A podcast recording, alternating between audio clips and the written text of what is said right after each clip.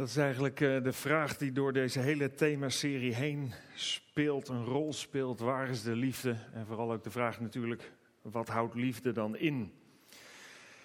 Ja, we gaan uh, met de vierde keer in deze serie van start vanmiddag. Magnum, alle gekheid op een stokje. En we denken na over de term toorn. Als een van de zeven hoofdzonden, zoals we hem dan zagen toen Magnum zijn ijsjes uitbracht in 2003. Als je in het woordenboek kijkt, dan zie je bij het woord toorn staan woede, drift of razernij. Ik kijk ook nog in een ander woordenboek, omdat het woord toorn heel veel voorkomt ook in de Bijbel.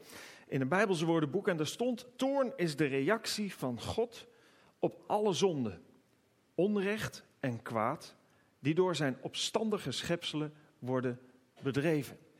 Dus iets wat bij God los wordt gemaakt wanneer mensen zich op het pad van zonde begeven. En de eerste keer en ook de keren daarna heb ik wel gezegd: zonde is niet iets wat alleen maar met regeltjes en overtreden van regeltjes te maken heeft. Zonde is datgene wat buiten de kaders van Gods liefde gaan, gaat. Dus eigenlijk wat zich niet meer in het licht, maar in de duisternis bevindt. En ja, het woord toorn in de Bijbel heeft wel een negatieve impact, omdat ja, het gevolg van die toorn vaak hele ingrijpende dingen was. Maar de reden van de toorn, daarin zie je eigenlijk een stuk liefde terug. En daarom vond ik deze omschrijving die ik las ergens van toorn ook heel mooi. Daar staat: toorn is een vorm van boosheid. In het algemeen wordt een verlichte, zuivere, meer liefdevolle en vooral gepassioneerde vorm van boosheid bedoeld. Dat betekent dat toorn, zoals we het in de Bijbel tegenkomen, niet gericht is op vernietiging of op kapotmaken van de ander of van jezelf, vanuit, vanuit boosheid, maar dat het eigenlijk opbouwend gericht is met passie en liefde.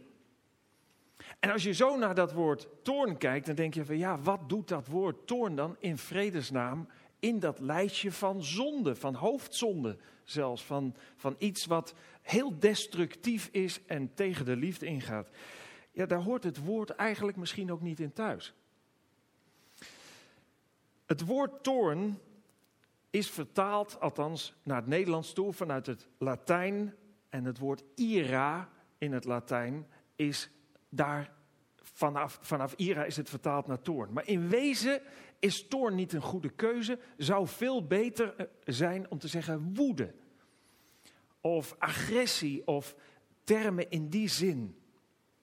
Want woede is een ontspoorde boosheid, een ongecontroleerde boosheid. En dat is niet iets wat constructief werkt, wat toorn wel moet doen. Maar dat is iets wat destructief werkt, wat dingen kapot maakt. En dus eigenlijk zou het veel beter zijn om in die lijst van zonde dat woord ira te vertalen met um, woede. Ja, dat is iets wat we allemaal kennen, boosheid. Ik weet niet, als je even voor jezelf nadenkt, wanneer ben je voor het laatst boos geweest? Hoe lang is dat geleden? Misschien een uur, zou kunnen, voordat je hier naartoe kwam en het lukte niet, of de kinderen wilden niet opschieten, of je man uh, of je vrouw was nog druk bezig, of misschien wel heel recent dat je boos was.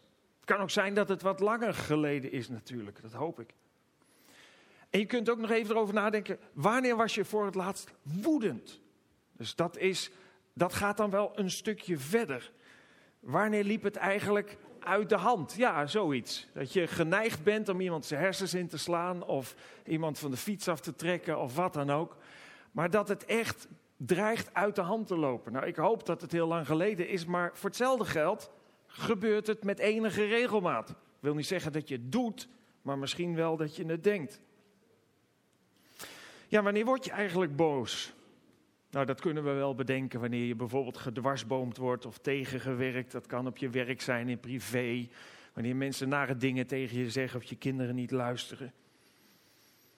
Of als je territorium, dat wat jij, je privacy, als je privacy ziet, als dat wordt geschonden. Of ja, als grenzen die redelijk zijn, of de grenzen die jij stelt in je leven worden overschreden. Dat kan pesten zijn, ongewenste intimidatie of wat dan ook.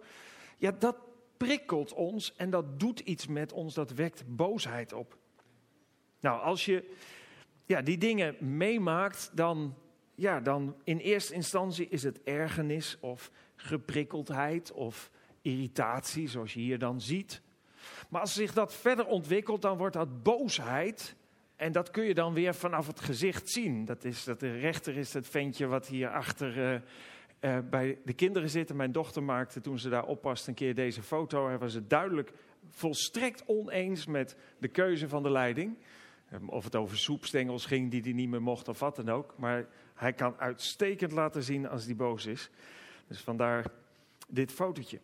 Um, die boosheid kan verder gaan en uit de hand lopen. En dan, ja, dan is het echt foute boel. Dan kan het leiden tot woede en razernij, schelden, schreeuwen, slaan, schoppen, noem maar op. Dan kom je duidelijk in de gevarenzone terecht. Het kan ook zijn dat je die woede wel voelt, maar dat je het niet uit. dan krijg je opgekropte woede en dan ben je eigenlijk een wandelende tijdbom.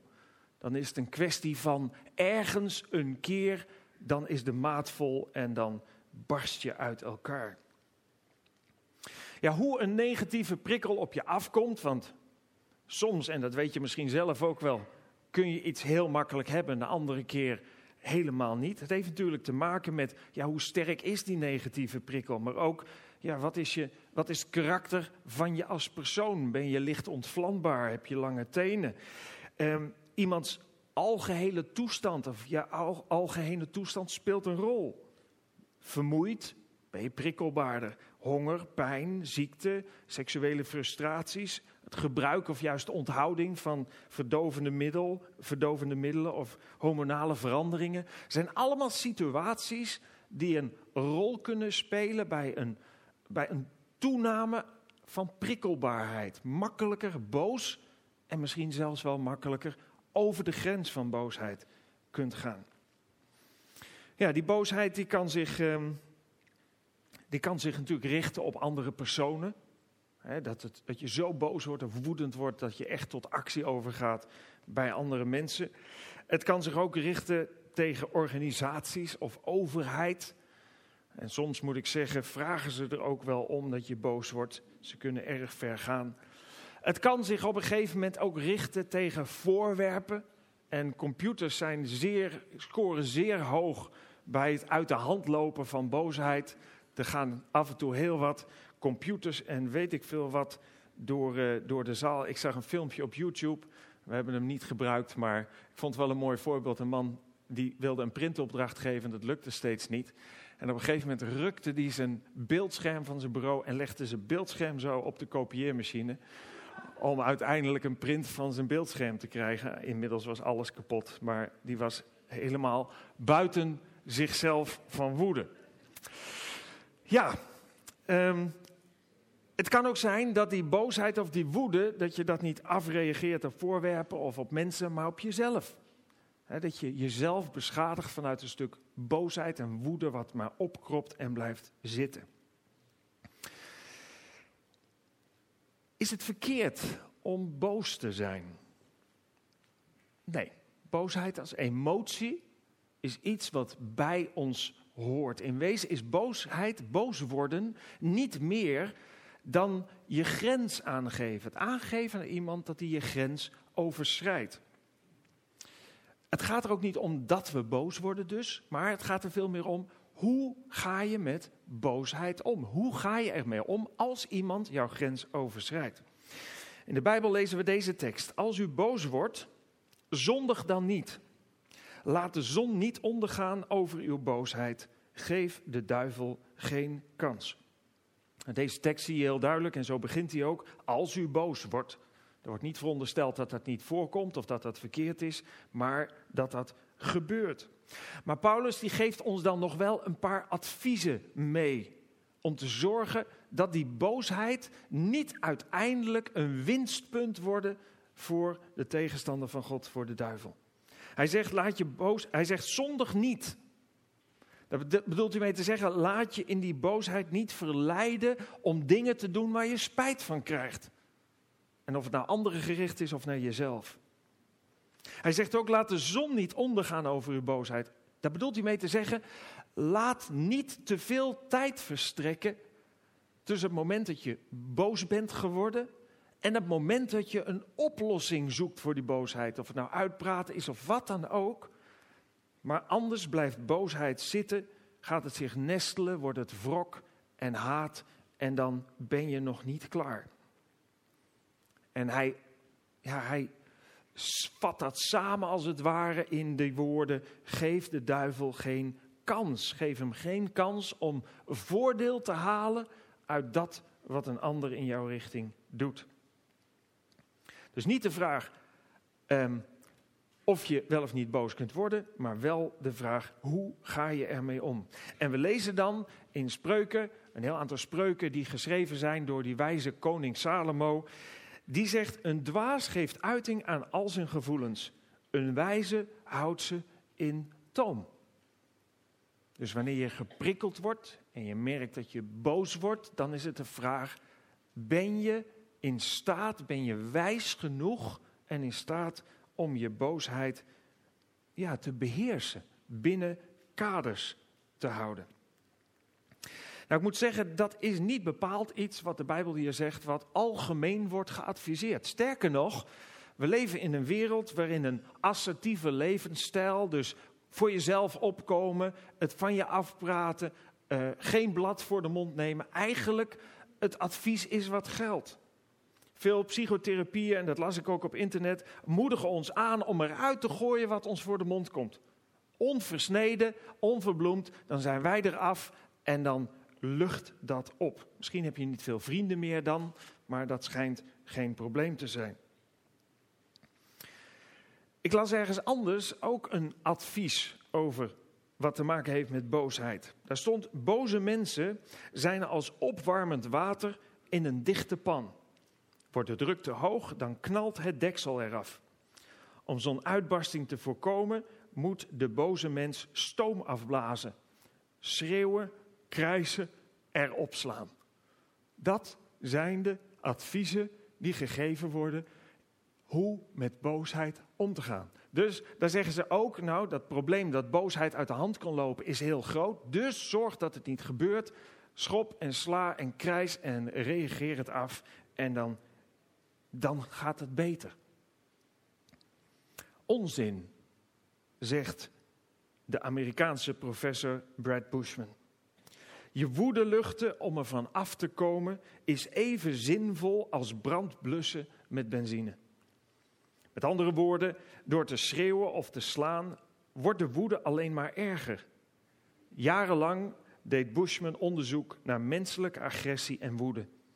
Dat onderzoek heeft een verrassend inzicht opgeleverd.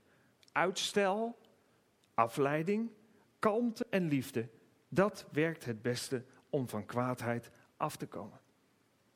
Dus hij zegt wel eigenlijk dat die te hoge druk gevaarlijk is, maar hij zegt niet dat die te hoge druk moet worden opgelost door stoom af te blazen. Ik weet niet of je wel eens met een kokende motor ergens hebt gestaan. Nou, als je dan de dop van je radiator afdraait, dat is levensgevaarlijk als het onder druk staat. Dan gebeuren er ongelukken. hij zegt niet, je moet het stoom afblazen. Hij zegt eigenlijk, je moet het vuur blussen wat ervoor zorgt dat die druk ontstaat. Nou, en hoe doe je dat? Ja, eigenlijk door jezelf in acht te nemen, door jezelf te beheersen. Jacobus die schrijft in de Bijbel: ieder mens moet zich haasten om te luisteren. Maar traag zijn om te spreken, traag ook in het kwaad worden. Daar zie je eigenlijk ook die proberen, probeer uit te stellen, probeer je reactie uit te stellen, want als je direct reageert als je geprikkeld wordt, dan kon het wel eens slecht aflopen. Dat betekent, neem de tijd. Tel tot tien wordt wel eens gezegd als je boos wordt gemaakt. Tel eerst maar eens tot tien. Nou, soms moet je wel eens wat verder tellen. Soms is het verstandig om je gewoon even terug te trekken. Als je merkt dat je zo geprikkeld wordt dat je bij wijze van spreken geneigd bent om hele vervelende dingen te gaan doen. Een time-out nemen. Orden je gedachten. Breng je gevoelens tot bedaren. En realiseer je, en dat is het belangrijkste, dat stoom afblazen, oftewel die woede-uitingen, altijd slecht zijn. Slecht zijn voor iedereen.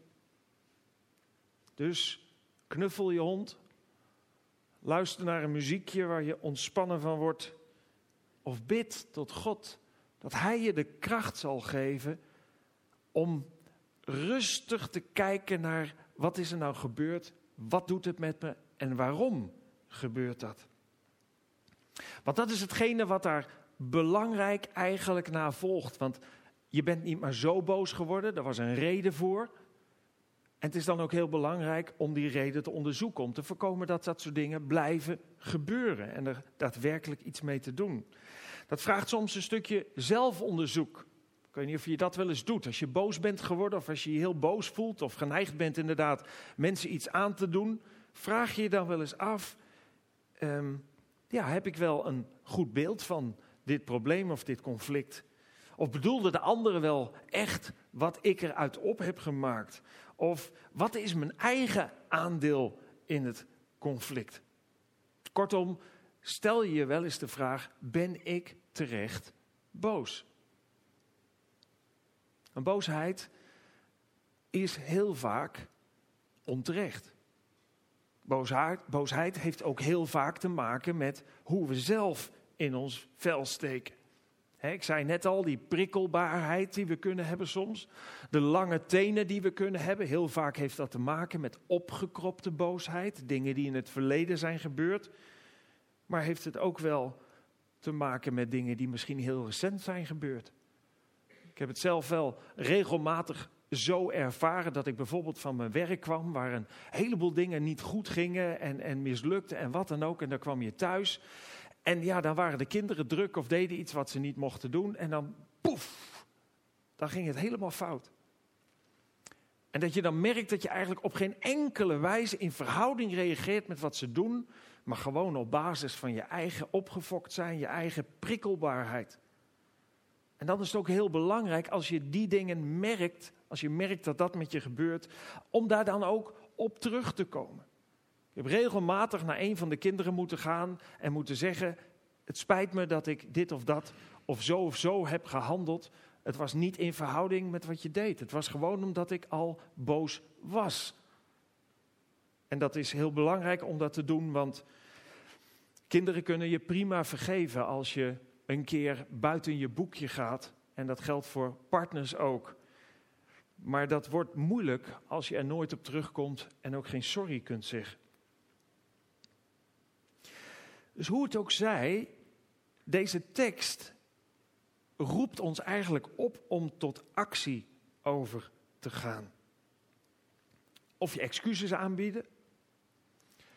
Maar minimaal eh, moet je ervoor waken dat boosheid niet te lang blijft zitten. We lazen die tekst, laat de zon niet ondergaan over uw boosheid. Dat bedoel, daar bedoelt Paulus mee te zeggen, laat niet te veel tijd verstrijken. Want opgekropte boosheid loopt altijd verkeerd af. Daar word je bitter en haatdragend van.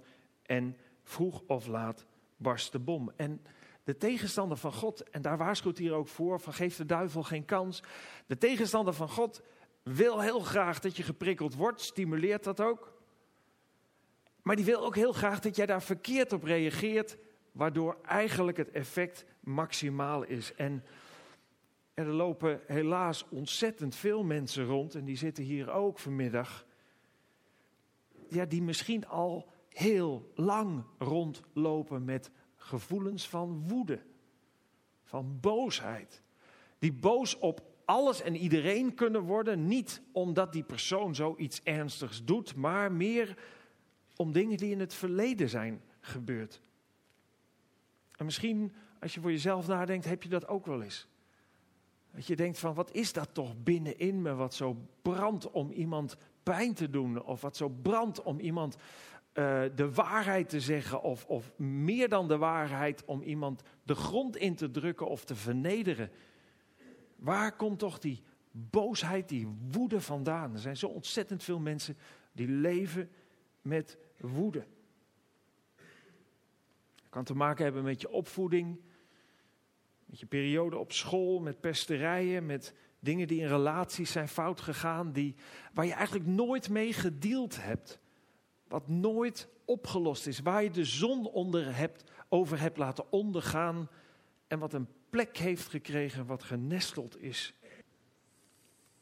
Ja, dan zie je hoe boosheid, die misschien van lang geleden is, hoe die zo sluimerend met je mee kan gaan en heel veel kapot kan maken. En als je bij jezelf dat soort dingen ervaart of voelt, dan is het belangrijk om te weten dat, ja, dat we eigenlijk uitgenodigd worden om naar een heelmeester te gaan. De Bijbel wordt Jezus Christus heiland genoemd, heelmaker. Want er is iets wat stuk is, wat niet goed is, waar eigenlijk genezing nodig is. En dan lezen we in de Bijbel dat Jezus zegt: Kom naar mij. Jullie die vermoeid zijn en onder lasten gebukt gaan, dan zal ik jullie rust geven. Neem mijn juk op je en leer van mij, want ik ben zachtmoedig en nederig van hart. Dan zullen jullie werkelijk rust vinden, want mijn juk is zacht en mijn last is licht. Belangrijk in dit gedeelte wat Jezus zegt is leer van mij. We kunnen iets leren van de Heer Jezus Christus wat ons helpt om te genezen. In eerste instantie, en dat hebben we vorige week ook gezegd, ligt de genezing in de relatie met God door de Heer Jezus Christus. Maar daarmee is niet alles voorbij. Net zoals hij in het filmpje zei, hij ging op zijn knieën, hij aanvaarde het offer van de Heer Jezus Christus. Hij ervoer dat er iets veranderde, maar het was niet opgelost. Nee, Jezus zegt, leer van mij. En wat Jezus ons wil leren is de weg van liefde. Het verhaal van Brad Bushman over woede en over boosheid noemt hij liefde het belangrijkste component tegen ontsporing van boosheid. En dat is precies wat we in de Bijbel terugvinden. Als je wil genezen, als je wil dat dingen die kapot zijn gegaan heel worden, als je wil dat de oorzaak van de woede en de boosheid weggaat, dan is liefde de enige weg. En waarom? Dat kunnen we lezen. Liefde is geduldig en vriendelijk. Liefde is niet jaloers, vervalt niet in grootspraak en eigendunk. Ze gedraagt zich niet grof. Ze is niet uit op eigen belang. Ze raakt niet beledigd en ze rekent niemand kwaad. Ze rekent het kwaad niet aan. Ze verheugt zich niet in onrecht. Ze vindt vreugde in de waarheid. Ze kan alles verdragen. Ze blijft geloven, blijft hopen, geeft het nooit op. Binnen de kaders van Gods liefde is genezing en is heelheid te vinden.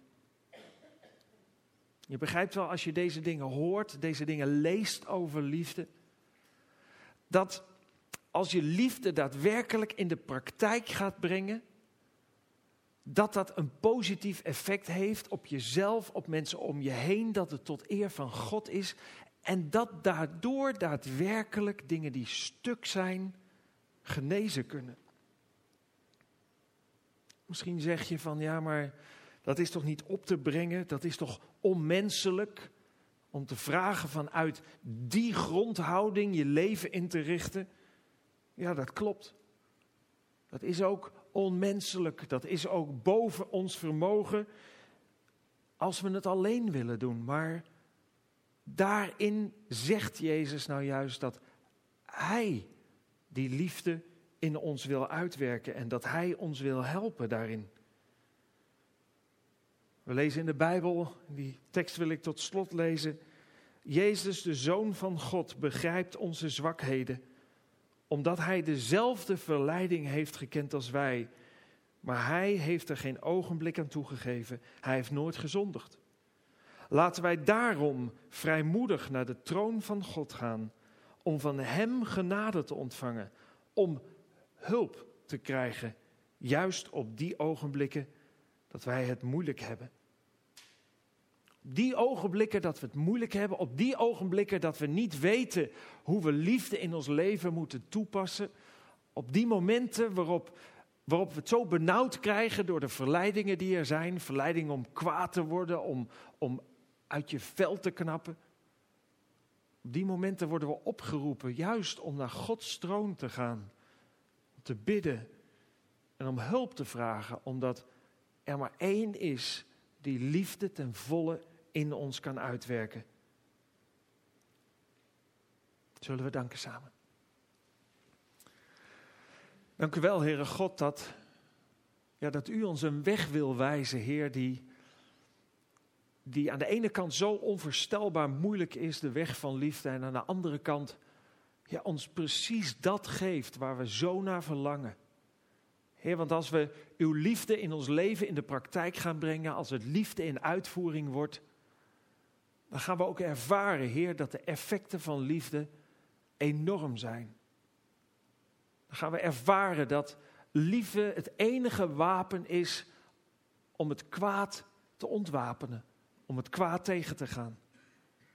En God, en als wij het verlangen hebben om vanuit liefde te leven, Heer, dan nodigt u ons uit om bij u te komen. Om kracht te ontvangen, om wijsheid te ontvangen, om richting te ontvangen. Heer, er worden ons zoveel dingen aangeboden vanuit de wereld. Zoveel dingen die zogenaamd goed zijn om te doen. Heer, maar u kent de waarheid. U heeft ons gemaakt. U bent liefde en wijsheid.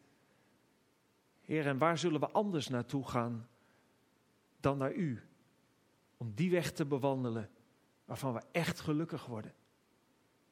God, en ik wil u zo bidden voor ons allemaal. U kent ons zoals we hier zitten, u kent ons leven. U weet ook of er heel diep verscholen bij ons pijn is. Pijn die boosheid en woede met zich meebrengt, die soms zo in één keer op onverwachte momenten naar boven komt. Heer, en dan zegt u ook tegen ons: laat daar de zon niet over ondergaan. Neem actie. Kom bij mij, alle die vermoeid en belast zijn, en ik zal je rust geven.